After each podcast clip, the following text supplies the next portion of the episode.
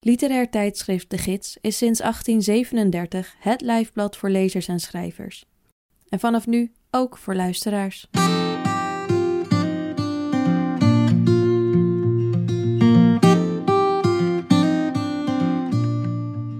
Je luistert naar Sprekende Letteren, een podcast van literair tijdschrift De Gids, met in elke aflevering een verhaal, essay of poëzie voorgelezen door de schrijver of dichter zelf. In deze aflevering hoor je het verhaal Hoofdpersonen van Maria Barnas, dat ze schreef voor het jongere nummer. In het verhaal geeft ze een stem aan Anna en Geesje Kwak, twee zusjes die eind 19e eeuw leefden en poseerden voor de beroemde schilder Breitner, die aan de hand van die sessies onder meer het meisje met de witte kimono schilderde, een van zijn beroemdste werken.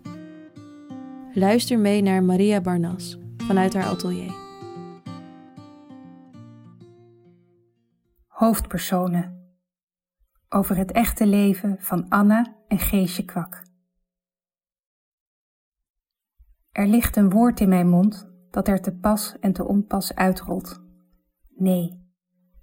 Ik laat het als een lint uit mijn mond wervelen. Ik kan het zo lang maken als ik wil. Ik kan het afknippen, er een knoop in leggen. Zou ik het de hoek om kunnen blazen? Toen ik nog jong was, kwamen de nee uit mijn tenen ik vulde ze met alles wat ik in me had. Nee, nee, nee, nee. Nog steeds kan ik mijn neeën laten zingen als een storm die ik zelf veroorzaak, dwars tegen het leven in dat mij een bepaalde richting opduwt. Ik heb niet vaak hardop ja gezegd in mijn leven. Ik heb ja gezegd toen Breitner me vroeg voor hem te poseren. Ik heb ja gezegd toen hij zei dat alles hem speet en ons aanbood de overtocht naar Zuid-Afrika te betalen. Had ik moeten weigeren?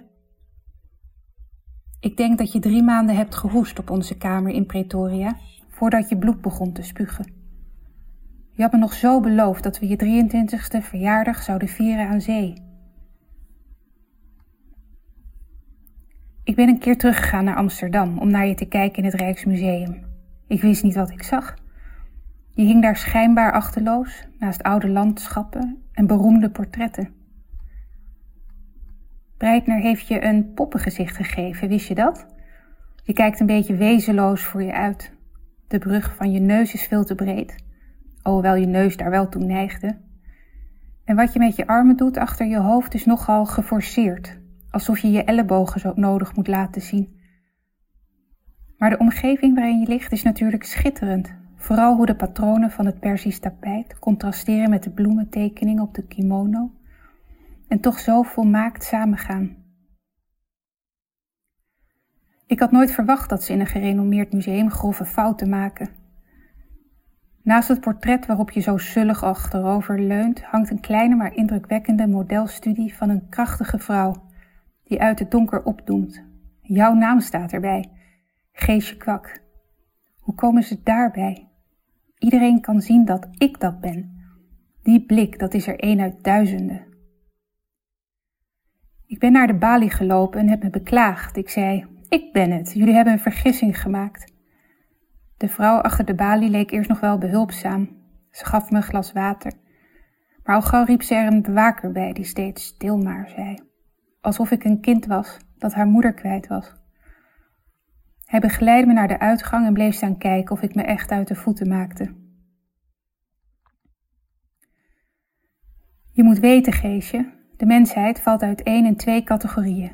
Er is het soort dat ervoor kiest hoofdpersoon te zijn, en er is het soort dat hoofdpersonen volgt. Hoe komt het dat de meeste mensen geen hoofdpersoon willen zijn? Willen ze het niet? Of kunnen ze het niet? Ze lezen liever over iemand anders en aanvaarden deze als held, ook al maakt deze niets opzienbarends mee. Heeft hij of zij geen enkele oorspronkelijke gedachte? Valt hij in een kuil en gaat het hele leven erover, het hele verhaal, hoe hij uit dat gat omhoog probeert te kruipen? Vraagt iemand zich ooit af waarom de held zo stom was om te struikelen en waarom hij zo nodig uit dat gat tevoorschijn moest komen? Nee, een held of heldin vergeef je alles, toch? Ik maak onderuitgezakt in het behagelijke donker van de cinema het ene na het andere avontuur mee, zodat ik mijn handen nooit vuil hoef te maken. Als er een vrouw gewurgd dreigt te worden, hap ik naar adem. Ik voel haar ontzetting, maar ik gloei ook van woede die het vanzelfsprekend maakt dat zij dood moet. Het is mogelijk om meerdere hoofdpersonen tegelijk te zijn. Misschien was ons leven anders gelopen als er vroeger ook al cinema's waren geweest. Soms hield ik expres opeens mijn pas in om je te laten voelen dat je zelf ook een keer een beslissing kon nemen. Vaak botste je tegen me op en zei ik dat je beter uit je doppen moest kijken. Alleen als er ergens rode kevers waren, trok je aan mijn rok om aan te geven dat je even wilde kijken. Vuurkevers noemde je ze. We hielden ervan om naar de kevers met hun vuurrode schilden te kijken, die rustig hun gang gingen. In hun universum was er niets aan de hand. Er waren geen problemen, zolang er blaadjes en stronken waren, en vermomde drempels en kozijnen. De vuurkevers scharrelden rustig door, soms met een kleintje op de rug. Ik zie je nog zitten op je hurken. Met een takje poor je tussen de kevers, maar ze trekken zich nergens iets van aan. Armoedzaaier, riep ik toen ik je op blote voeten binnen zag komen in het souterrain waar we kleding verstelden. Doe je klompen aan, boerentrien. Je diepte het meest fonkelende scheldwoord op dat je kende. Klerenleier. Ik begon al te giechelen. Krijg de tyfus meier? We hadden lang niet zo hard gelachen. Ik had pijn in mijn buik van de lachstuipen, om de woorden die zo moeiteloos heen en weer schoten. Het waren de woorden van pa, die geen gelegenheid voorbij liet gaan om wie dan ook de huid vol te schelden. Kan je je eigen brok niet ophouden, rioolrad? Je kon de stem van vader zo goed nadoen dat er rillingen over mijn rug liepen. De bukkende verschijning in de lage deuropening deed ons verstommen. Dames, zei hij. Dame, herhaalde ik in gedachten en het was alsof het woord mijn ruggengraat aan een draad omhoog trok. Ik verborg mijn voeten achter een van de zakken met linnen waar ik een monogram op moest borduren. Nog vijftig te gaan voor de volgende ochtend. Maar als iemand dat zou kunnen, dan was ik het. Je bent met naald en draad in je hand geboren, zei moeder. Ik was niet alleen snel, maar zo secuur dat ik er de fijnste tekeningen mee kon maken. Nu zie ik slecht en zijn mijn vingers gezwollen. Ik krijg geen draad meer door het oog van een naald. Voor je vijftiende verjaardag had ik een zakdoek geborduurd met vogels uit een andere wereld. Zo blauw en licht waren ze. Ik had er sterren tussen geborduurd, zodat het dag en nacht was tegelijk. Iedereen heeft me erom uitgelachen. Een zakdoek die te mooi is om je neus te snuiten. Wat een pretenties. Hebben jullie even voor me? De man had een tas bij zich waar een rivier uit omhoog leek te kolken toen hij deze opendeed. Ik heb een kamerjas, een Japanse kimono. Er zit een mottengat in. Ik had nog nooit echte zijde aangeraakt. Ik kon mijn ogen niet van de bloemen op de stof afhouden. Het licht leek de bloemen in beweging te zetten, als vuurkevers die over elkaar heen krioelden. Ik gaf je een poor in je zij. Of het morgen af kan zijn, wil meneer weten. Je stond weer eens te dromen, terwijl er een antwoord van je werd verlangd. Watte? Wat zeg je? Of je worstlust? Proesten het uit, maar bonden snel in toen we zagen dat de man er ongemakkelijk van werd. Ik moest me inhouden om de stof niet te blijven aaien. Morgen is het klaar, absoluut. Ik noemde een bedrag dat jou naar adem deed happen. Een maand huur voor onze nieuwe kamer. Maar ik had goed gegokt. Hij betaalde een deel vooruit en gaf zelfs een fooi. Tot morgen, dames, zei hij en tilde zijn hoed op. Er kwamen twee flaporen onder de hoed vandaan. Hij zag er meteen een stuk vriendelijker uit. De deur was nog niet dicht of je sprong op en neer. We hebben een klus, we hebben het voor elkaar, riep je uit. Ik heb je er subtiel aan moeten herinneren dat ik de klus had binnengehaald. Als het aan jou had gelegen, had je nog steeds in de la onder het bed van pa ma geslapen. We spreidden de glanzende kimono uit over onze werktafel. Wie zou zo'n kledingstuk nou dragen, vroeg je. En ik deed alsof ik me daar ook niets bij kon voorstellen. Maar ik wist dat de kimono mij prachtig zou staan. Zodra je in slaap viel, heb ik het kledingstuk aangetrokken. Het zat me als gegoten. Ik was dan ook niet verbaasd toen de schilder hem kwam ophalen en mij vroeg of hij foto's van mij mocht maken. Het poseren duurt niet lang, zei hij. Kom binnenkort eens langs op mijn atelier op de Lauriersgracht.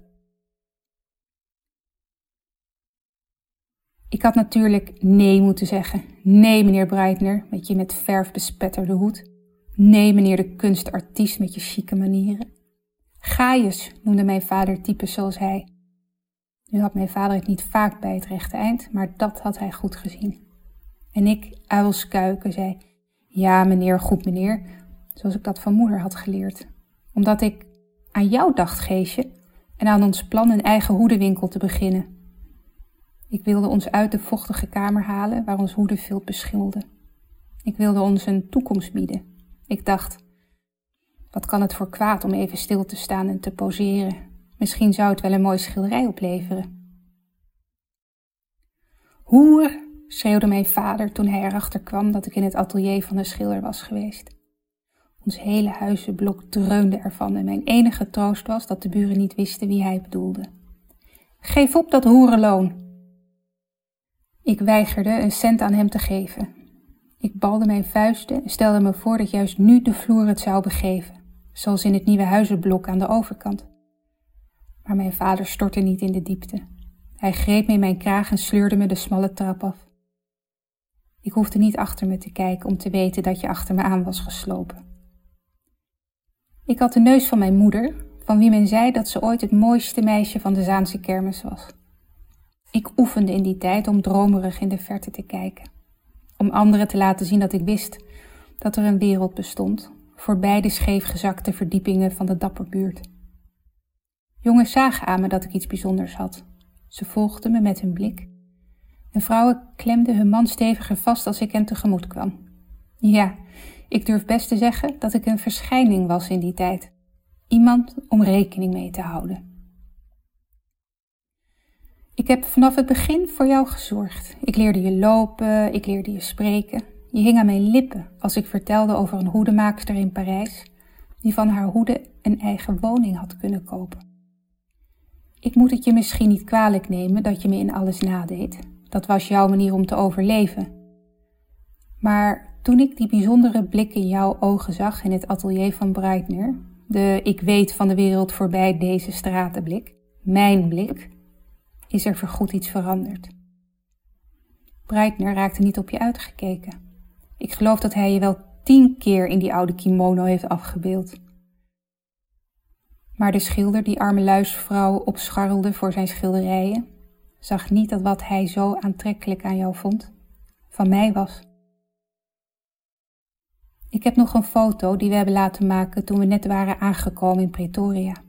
De fotograaf heeft ons vereeuwigd als één lichaam. Zo voelde het ook, mijn verbondenheid met jou. Twee jonge vrouwen die in profiel op elkaar lijken, met een gedeelde linker en rechterarm. Misschien was alles anders gelopen als Breitner ons zo had afgebeeld.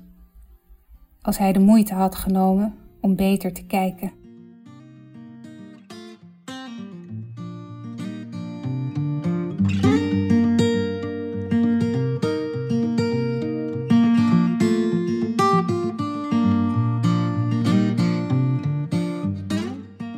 Je luisterde naar Hoofdpersonen over het echte leven van Anna en Geesje Kwak van Maria Barnas. Maria Barnas is dichter, schrijver, beeldend kunstenaar en redacteur van De Gids. Ze schreef onder meer de roman Altijd Augustus en dichtbundel Nachtboot. Wil je dit verhaal teruglezen? Dat kan. Alle bijdragen uit de gids zijn terug te lezen op onze website www.de-gids.nl. En wil je dan nog meer de gids? Abonnee worden kan al voor 20 euro per jaar.